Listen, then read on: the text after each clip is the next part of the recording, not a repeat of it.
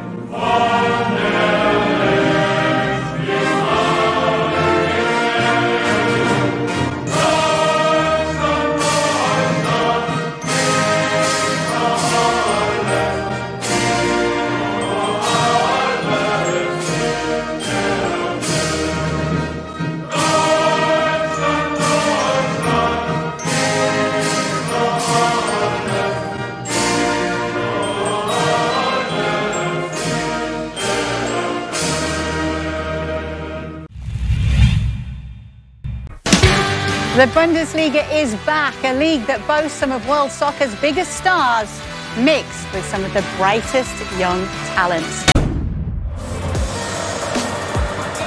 Grant's corner, Kai Havertz near post. Here's Lars Bender deflection. Oh, Volland! Kevin Volland!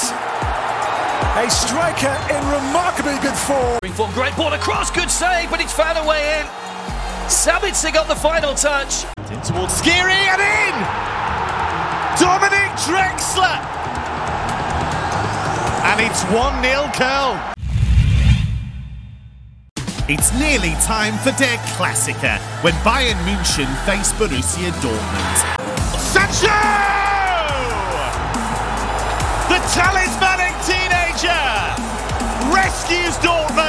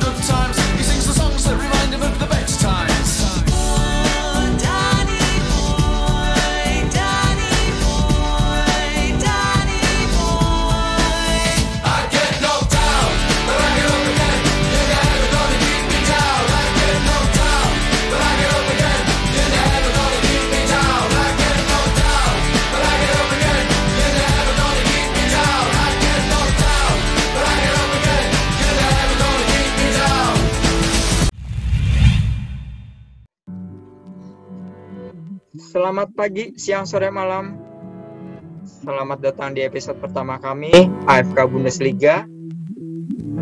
AFK Bundesliga Podcast. Podcast ini bakal review dan review ataupun pertandingan di Bundesliga. Perkenalkan nama gue Simon dan ada teman gue Adi. Halo. Ada juga Sigit. Hadir. Nah, Adi dan Sigit adalah fans dari salah satu klub dari Bundesliga. Tapi mereka punya kesukaan yang berbeda kayaknya. Mas Adi, fans apa Mas Adi? Eh, gue fans Dortmund ya. Fans Fans Dortmund dari tahun 2013 ya. Dari 2013. Pas Kalau Mas Sigit? pas Gue sendiri fans Bayern dari tahun 2008 dari zaman Oh. Bayern ke Indonesia. Iya, jadi kalau mungkin teman-teman sekalian nostalgia nih, waktu 2008 itu Bayern pernah ke Indonesia. Dan mungkin saat itu Mas Sigit jatuh cinta pertama dengan Bayern Munchen. Nah, ada satu teman gue lagi nih yang baru join. Tapi nanti mungkin terlambat. ada Mas Bima.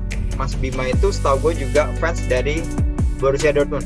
Oke, sambil nunggu pemanasan, kita uh, di episode pertama ini kita mau preview Bundesliga. Bundesliga ini kalau uh, yang gue tahu sudah mulai pekan kelima. Tuh, kita bakal preview pertandingan-pertandingan yang menurut kita uh, oke-oke nih.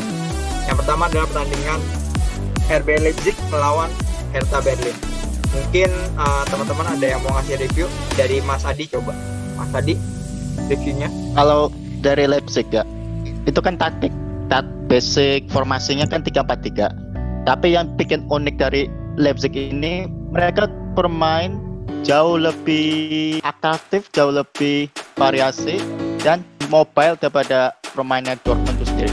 Kalau Dortmund kan di bawah kita hanya main pas. Untuk defense-nya mereka bermain high pressing dengan line defense yang nggak terlalu tinggi dan mereka ini bermain tergantung taktik taktik lawannya Leipzig itu kayak apa sih kalau lebih seperti itu kalau untuk Hertha Berlin ini bermain lebih pragmatis mengandalkan counter attack tapi kan agak remeh Kalau menurut Mas Sigit, prediksi skor kira-kira berapa nih Mas? Kalau secara prediksi skor, aneh lebih pegang Leipzig karena bermain di kandang ya.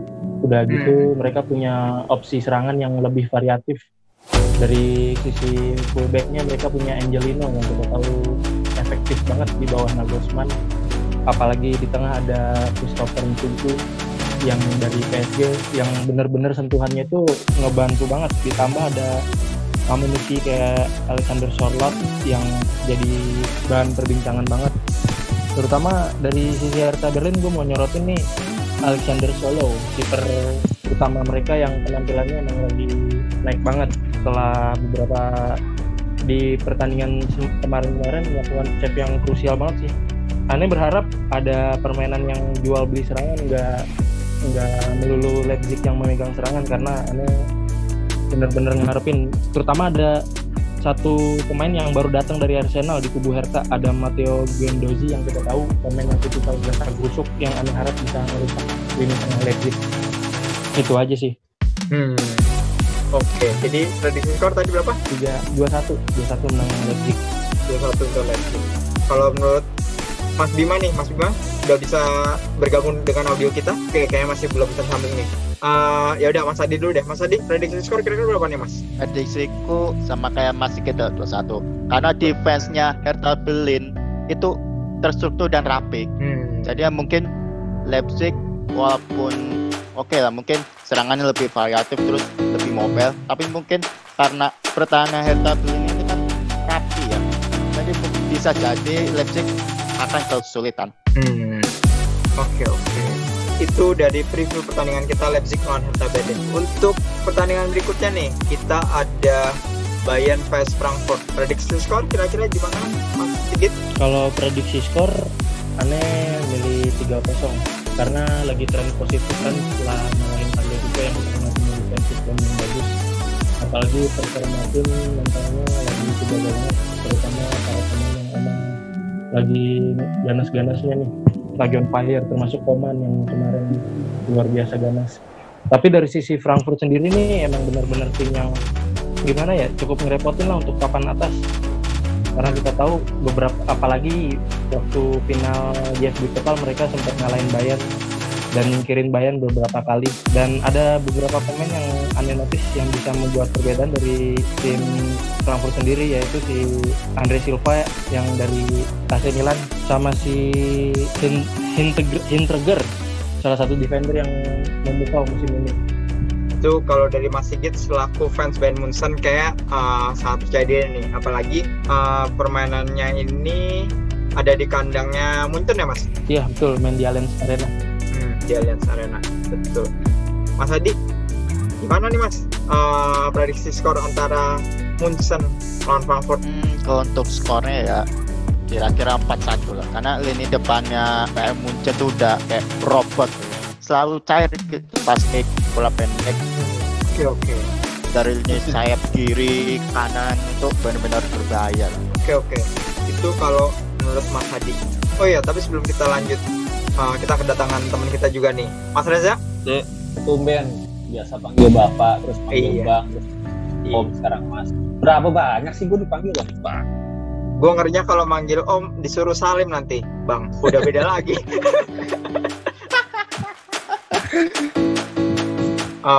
Mas Reza, gimana? Prediksi skor Bayern vs Frankfurt? mainnya di mana sih? Di Allianz Stadium ya?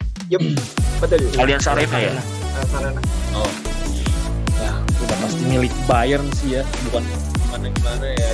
Performanya Bayern lawan Atletico aja mengerikan seperti itu ya. Bukan menyepelekan Frankfurt ya. Tetap tuan rumah menang. Tapi bagaimana Frankfurt bisa bermain ya seperti uh, tim-tim lain. Jika Frankfurt nggak mungkin lah harapin Frankfurt seperti musim lalu. Kayaknya sih skornya 3-0 ya. Dia ini 3-0 lah. Lawan Frankfurt nggak nggak nggak mungkin Frankfurt bisa uh, curi tiga poin di Allianz Arena. Kecil kemungkinannya. Hmm, Bayern ya, masih superior. Oke oke menarik. Oke Tapi di uh, pertandingan Ginabri Ginabri sama Sane udah bisa main gas kayaknya udah udah bisa kan? Belum? Aneh, Ginabri karena COVID ada ya? latihan. Cuma Ginabri masih COVID. oh mungkin Sane ya. Ya. Aneh dia. dengan pemain dengan pemain depan ada Kingsley Coman ada Lewandowski ada Müller. Sulit sih ya untuk Frankfurt. Ya jelek-jeleknya skor 3-0 lah. Jelek jeleknya loh ini jelek-jeleknya 3-0 buat Bayern Oke oke itu dari pertandingan Munchen lawan Frankfurt. Kita mau next ke pertandingan berikutnya nih. Leverkusen lawan Augsburg. Coba dari eh, Mas Adi, gimana nih prediksi Leverkusen lawan Augsburg? Feelingku tetap Leverkusen yang menang ya. Tapi tergantung cara direct fut- football yang dimiliki Leverkusen aja sih. Leverkusen di bawah Peter Bosz itu bermain lebih direct. Seperti aku nonton Leverkusen lawan Nice yang kemarin itu yang men- Leverkusen Nice. menang 6-2. nih Nietzsche ya punten ke. iya iya nggak apa-apa spell aja itu Leverkusen itu bermain lebih direct mereka bermain umpan pendek tapi langsung ke depan nah bahayanya Leverkusen itu di sini tapi dari Augsburgnya sendiri itu mereka bermain defense ya bermain pragmatis mereka kalau menurutku ya kelihatannya Augsburg akan bermain defense blok bawah seperti lawan Dortmund kemudian melakukan counter attack Prediksi oh, skor berapa? Ya Tadi prediksi skor kalau berapa? Prediksi skor 2-0 tak cukup ya 2-0 Augsburg. Oke, gimana Mas Reza? Leverkusen kan masih struggle di Bundesliga ya. Dia baru berapa kali eh, menang sih di Bundesliga baru sekali menang kalau nggak salah ya. Sisanya dia masih seri ya, ya masih sorry masih seri ya. Dia eh, terakhir Leverkusen eh, di Liga Europa League kan menang cukup eh, besar ya. 6-2 apa 6-3 ya? 6-3 ya 6-2 62. Kalau melihat dari formasi yang diturunin tuh kemarin itu kan pemain sayapnya diisi di kanan oleh Belarabi ya kalau nggak salah ya Belarabi Iya, Lalu di kiri ada Diaby ya dan Kiri Diaby. wing fullback mereka Sing Sing Graven sama Lars Bender juga kan kalau bertahan mereka strong cuman untuk support ke depan mereka masih belum belum eh, optimal ya untuk eh, menambah jumlah pemain di ya, apa di eh, area lebar lapangan tuh. Jadi mungkin Augsburg dengan Leverkusen masih draw sih kalau gue bilang. Ya antara skor 1-1 atau 2-2 gue sih berharap menang tapi ya ke- di Bundesliga masih struggle ya Leverkusen.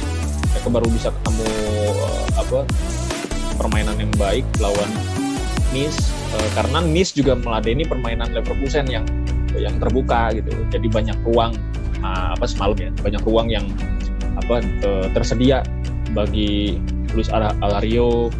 Terus ada apa Leon Bailey juga sangat bagus banget apa eh, pergerakan eh, apa bolanya. Jadi kalau mungkin kalau Augsburg mereka lebih strong juga dibanding Nice seri lah. Satu satu lah Oke oke. Masih Git, prediksi? Kalau menurut gue pribadi prediksi skor 2-0 lah untuk Leverkusen karena dari kompetisi pemain sendiri kita lihat lebih di atas angin daripada Augsburg apalagi lini depan ada nama-nama beket cuma ya benar kata Mas Reza Augsburg ini mental bermainnya ini nggak bisa diremehin banget apalagi dari segi defense mereka jadi tim yang lumayan solid kalau bicara defense apalagi ada nama-nama seperti Gregoritz yang rajin ya, cetak gol juga siap. mau turun mau turun ke bawah ngebantu lini belakang Ini eh, kalau nggak salah Augsburg di pertandingan terakhir di Bundesliga mereka ini ya apa seri ya draw ya kalau nggak salah. Apa kalah dari Leipzig kalah ya dari Leipzig.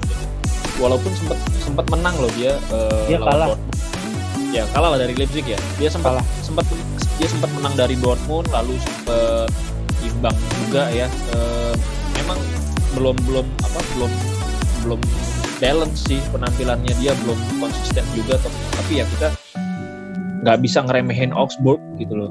Augsburg ini ya eh kali kali Yuri kali Yuri ah ke, kali Yuri ya, kali Yuri dan kalau nggak salah ada siapa yang mirip namanya Kedira juga ya. Kedira siapa? ada si Kedira siapa ya Rani apa iya Rani Kedira Rani Kedira. Rani Kedira. itu dia tuh bawa winner ya, dia bawa winner dia bagus. Eh, asal eh, rekan-rekannya juga mau membantu eh, Kedira saat eh, timnya kena counter attack ya pemain-pemain lainnya seperti Grezzo atau Gagliuri juga harus backup gitu. Kalau dengan jumlah pemain nanti Leverkusen yang me- melakukan counter attack dengan cepat, unggul jumlah pemain ya ini repot juga gitu. Tapi so far eh, kesalahan mereka waktu lawan Leipzig adalah mereka tampil sangat-sangat apa ya, sangat terbuka gitu. Nggak nggak nggak memperhatikan lawannya siapa gitu. Leipzig. Leipzig punya kecepatan yang eh, luar biasa ya pemain-pemainnya dan tajam di depan gitu. Untuk masalah final third mereka di coaching sama tapi ya kita lihat nanti Leverkusen apakah masih st- struggle? Apakah mereka bisa melanjutkan form terbaiknya waktu di Europa League semalam? Kita lihat aja tapi ya tergantung Leverkusen sendiri dia mau menang atau mau, mau masih struggle tergantung Leverkusen sendiri. Mereka punya materi. Hmm. Oke, menarik. Masih gimana prediksi? 2-0 untuk Leverkusen. Biar rame ya papan atas ya. Iya biar ikut-ikutan ibu apalagi Leipzig Leipzig dikucuk nih Iya nih pucuk nih Leipzig nih luar biasa Oke, kita lanjut ke game berikutnya. Mainz lawan Gladbach. Eh, jangan gue bener gak? Gladbach. Mainz. betul Gladbach. betul Prediksi skor kira-kira Masih Git? tandang ya Le, di Gladbach mungkin prediksinya 2-1 sih untuk Gladbach karena mereka apa ya mereka bawa tren positif meskipun di pertandingan Champions League mereka cuma seri di kandang Inter. Tapi dia nama-nama lini depan kayak Alessandro Plea, Marcus Thuram itu kayaknya yang bakal jadi pembedanya karena mereka emang benar-benar tajam kalau di masalah finishing. Ya 2-1 lah untuk Gladbach. Mas Adi, prediksi untuk Mainz lawan Gladbach? ini tuan rumah Mainz kan ya? Ya, betul. Iya, untuk Prime Mainz. iya. Gladbach. Eh, eh, kemarin juga Mainz tuan rumah ya di Bundesliga sebelum apa sebelumnya kan Mainz kalah ya. Lawan Leverkusen tuan rumah juga ya? Iya salah satu kosong. Kalah satu kosong juga mereka mainnya nggak sebenarnya nggak jelek sih sebenarnya nggak jelek. Cuman karena mereka gagal memanfaatkan peluang aja. Nggak ada yang shot on apa eh, on targetnya nggak ada. Mereka punya peluang tapi nggak ada yang target gitu. Terlalu buru-buru. Lawannya Gladbach Gladbach punya punya tren bagus ya apalagi berhasil enam seri di Giuseppe Meazza lawan Inter Milan mereka punya mental yang bagus, moral yang bagus, bekal bagus, walaupun tandang ke Mainz ya benar sih kata Mas Sigit eh, Gladbach menang antara 2-0 atau 3-1. Oh, jadi makin menarik ya. Mas Adi, prediksi skor? Prediksi skor kalau aku lihat dari cara defense-nya ya minimal 1-0 lah buat Gladbach. Karena pemain sendiri itu hampir sama kayak Augsburg. Mereka defense-nya tuh rapi. Terus mengadakan counter attack dari lini sayap. Mereka main sini counter attack-nya itu nunggu pemain dari lawannya itu melakukan kesalahan baru mereka counter attack. Cuman kadang-kadang seperti yang dikatakan pemain Mes kalau udah masuk di sepertiga lini depannya itu suka akurat gitu aja. Hmm, oke oke menarik. Enggak nih Glad Gladbach ini eh, mereka punya pemain-pemain yang sebenarnya eh, pemain muda dan pemain yang eh, masuk ke timnas Jerman juga ya. Eh, kayak Hoffman ya, Hoffman juga masuk timnas Jerman, Jerman kan ya. Si Hoffman, Baru si Jonas kemarin Stindl, ya. Neuhaus juga ya Neuhaus ya. Eh, ini kan pemain-pemain Iya, yang Neuhaus. Yang eh, yang effortnya bagus ya, effort baik dalam dia bertahan, dia dari sisi dari bertahan ke menyerang, balik lagi dari menyerang ke bertahan, mereka tuh eh, eh, concern dengan posisi mereka, mereka juga eh, agresif ya. Seperti law- lawan Inter aja walaupun Stindl kemarin nggak main ya lawan Inter ya, enggak enggak main, nggak main. Tapi dari bangku cadangan. walaupun betul. Walaupun nggak eh, nggak nggak starter. Cuman ya Bubak ini secara grouping dia mainnya bagus ya.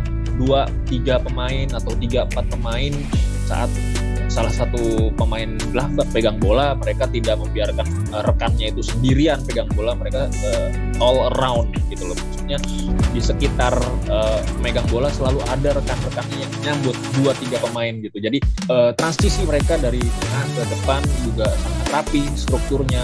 Masalahnya Mainz adalah Mainz juga sebenarnya bagus agresif tapi mereka menciptakan peluang terlalu terburu-buru passing ke depan tidak melihat posisi yang terbaik rekannya main langsung passing ini ini ini masalah dari Mainz walaupun sebenarnya materi juga nggak nggak nggak bisa skor kecil juga sih walaupun eh, Mainz bisa dibilang kata belum ketemu permainan terbaiknya Gladbach tetap bisa menang ya antara satu tiga atau dua kayaknya Lars Stindl main lagi nih kayaknya main, main lagi atau Markus Thuram yang bisa cetak gol nih Thuram juga cepat ya speednya bagus ya agility-nya juga bagus bukan main.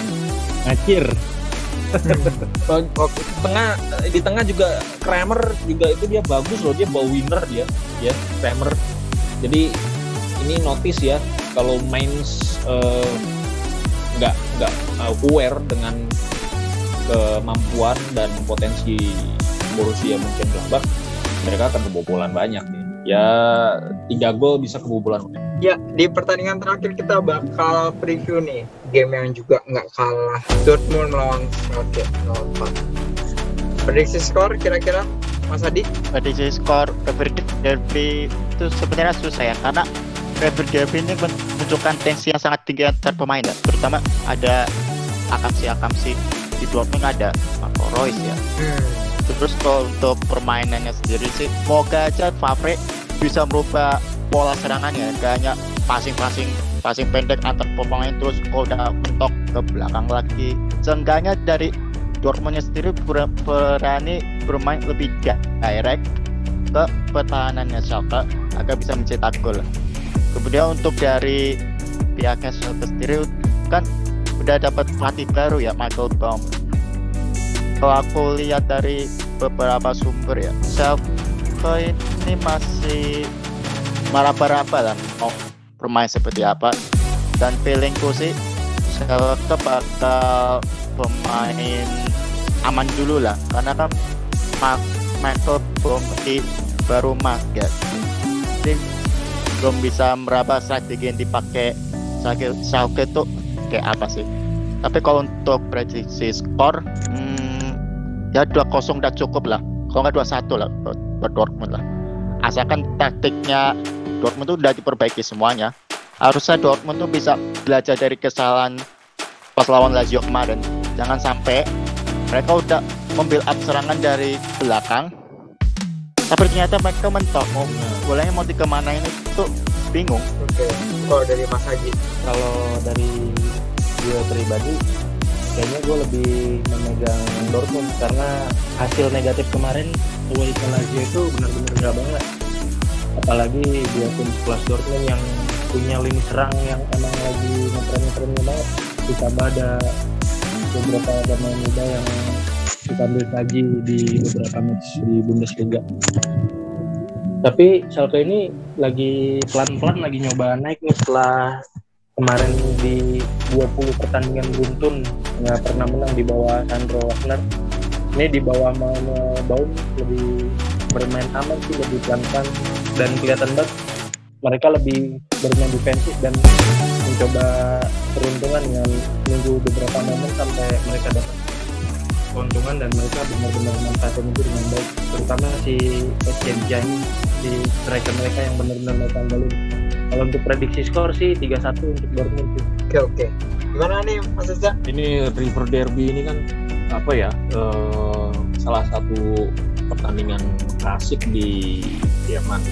Jadi eh, rivalitas kedua klub juga dan tahu kalau sya- eh, pertandingan lainnya meskipun kondisi timnya lagi jomplang ya eh, dulu juga pernah lah Dortmund nya lagi pincang berada di di papan bawah klasemen Schalke yang berada di atas ya. Tapi kalau udah ketemu satu sama lain ini nggak ada yang namanya saling kalah nggak ada yang mereka yang mau, mau ngalah gitu. Ini di, di eh, tujuh pertandingan eh, sorry eh, enam pertandingan terakhir ya. Enam pertandingan terakhir itu ini cukup berimbang ya. Eh, Schalke menang dua kali eh, Dortmund menang dua kali, sisanya dua kali imbang. Ya, kita masih ingat banget waktu 2017 itu skornya empat sama, skor empat sama dan itu semua eh, nggak ada yang bisa prediksi. Orang udah berpikir, ah ini ini eh, dari sebelum pertandingan Dortmund yang akan menang, tapi ternyata skor empat sama.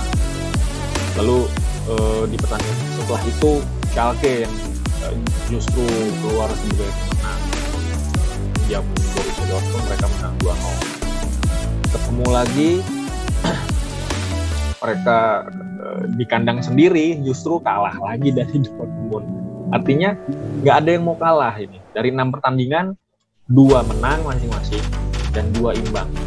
Jadi eh, meskipun Schalke sekarang dipegang oleh Manuel Baum eh, mereka belum pernah merasakan kemenangan lagi dalam kurun waktu panjang ya 20 pertandingan ya belum menang lagi. Tapi mungkin lawan Dortmund mereka punya motivasi tersendiri. Ini adalah bonus back-nya mereka. Mereka akan cari cari apa kebangkitan moral di sini. Melihat eh, secara moral Dortmund lagi jelek habis kalah dari Lazio ya. Mereka kalah dengan ya kalah artinya secara permainan pun juga kalah dari Lazio. Meskipun materinya menurut gue sih Dortmund seharusnya nggak kalah dari Lazio. Nah ini akan dimanfaatkan oleh Schalke ya di pertandingan nanti. Karena tajuknya derby gue eh, nggak berpihak satu sama lain ya nggak nggak berpihak ke atau Dortmund. Gue kayaknya ngeliat imbang sih. Eh, bakalan skornya dua sama untuk kedua klub dan hasil imbang ini mungkin ini akan membuat moral Schalke jauh lebih baik ke depan. Karena bagaimanapun Dortmund adalah salah satu eh, title contendernya Bundesliga bersama Bayern Munich dan RB Leipzig. Itu sih. Hmm, jadi pertandingan derby ini eh, kayaknya satu pertandingan yang patut ditunggu di minggu ini. Oh sangat sangat itu sangat Ah. ditunggu dibanding kan orang kan eh, fokusnya ke El Clasico ke Manchester United sama Chelsea ya kan? Eh, buat gua cobalah sekali-sekali football fans yang cerdas yang dengerin ini podcast eh, tontonlah Schalke sama Dortmund ini gue jamin lo bakal tagih yang apa pertandingan Liga Jerman. Karena nggak akan ada yang mau kalah. Gue gue boleh boleh beran- berani jamin mereka akan saling serang ya. Mereka akan saling serang. Nggak ada yang main mau kalah. Eh, duelnya juga luar biasa. Eh, di tengah terutama ya pasti. ya kita nantiin aja nanti eh, River Derby. Ini. siapa yang akan jadi pemenang? Kalau gue sih nggak nggak berpihak ke mana ya. tapi gue mau seri karena supaya Schalke moralnya lebih baik lagi. Dan gue berharap Schalke nggak nggak mereka bisa ya minimal masuk ke zona Europa League Hmm. Nah, menarik. Yaudah, itulah episode pertama dari FK Bundesliga Podcast. Thank you semua yang buat dengerin. eh, pasti teman-teman juga punya prediksi sendiri untuk skor-skor Bundesliga. Eh, apakah prediksi kita sama dan apakah prediksi kita ada yang kejadian? Kita bakal tunggu nih. Pastinya setelah eh, ini game week kelima kalau Bundesliga sehari apa ya mas? Ini Spieltag berapa sih? Kalau nggak salah kelima ya. Iya. Kelima, kelima, kelima. Hmm. Kelima ya. Kelima. Spieltag. Selesai hari apa kira-kira? ya? Hmm, malam Senin kalau nggak salah ya. Senin dini hari ya. Oh, oke. berarti- Si Leverkusen lawan Augsburg kalau nggak salah terakhir ya. Iya betul. Berarti kita bisa bisa tahu hasilnya untuk tiga hari ke depan. Kita bakal buktiin apakah prediksi dari pundit-pundit AFK Bundesliga Corner ini tepat. Oke lah, baiklah. Karena karena karena ini lagi lagi seru-serunya nih. Eh, di puncak klasemen kan ada RB Leipzig ya, cuma unggul satu poin dari Bayern Munich.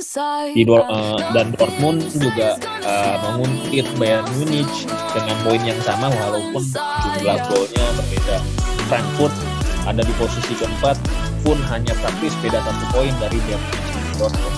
Dan gue sih berharap nih eh, tim-tim besar yang seharusnya ada di papan atas dan mungkin bisa di papan tengah ya seperti Schalke, Wolfsburg eh, itu bisa naik merangkak ya karena gua nggak mau lah tim-tim seperti ini bisa terjerembab di posisi bawah lagi. Gue pengennya ada perbaikan lagi musim ini dan Bundesliga gue jamin musim ini lah akan jauh lebih kompetitif. Kita tunggu hasilnya dalam beberapa hari lagi. Stay tune teman-teman. Thank you Mas Sigit, Mas Reza, Mas Adi buat waktunya Sama dan. Thank you semuanya yang udah dengerin. See you podcast. Bye bye.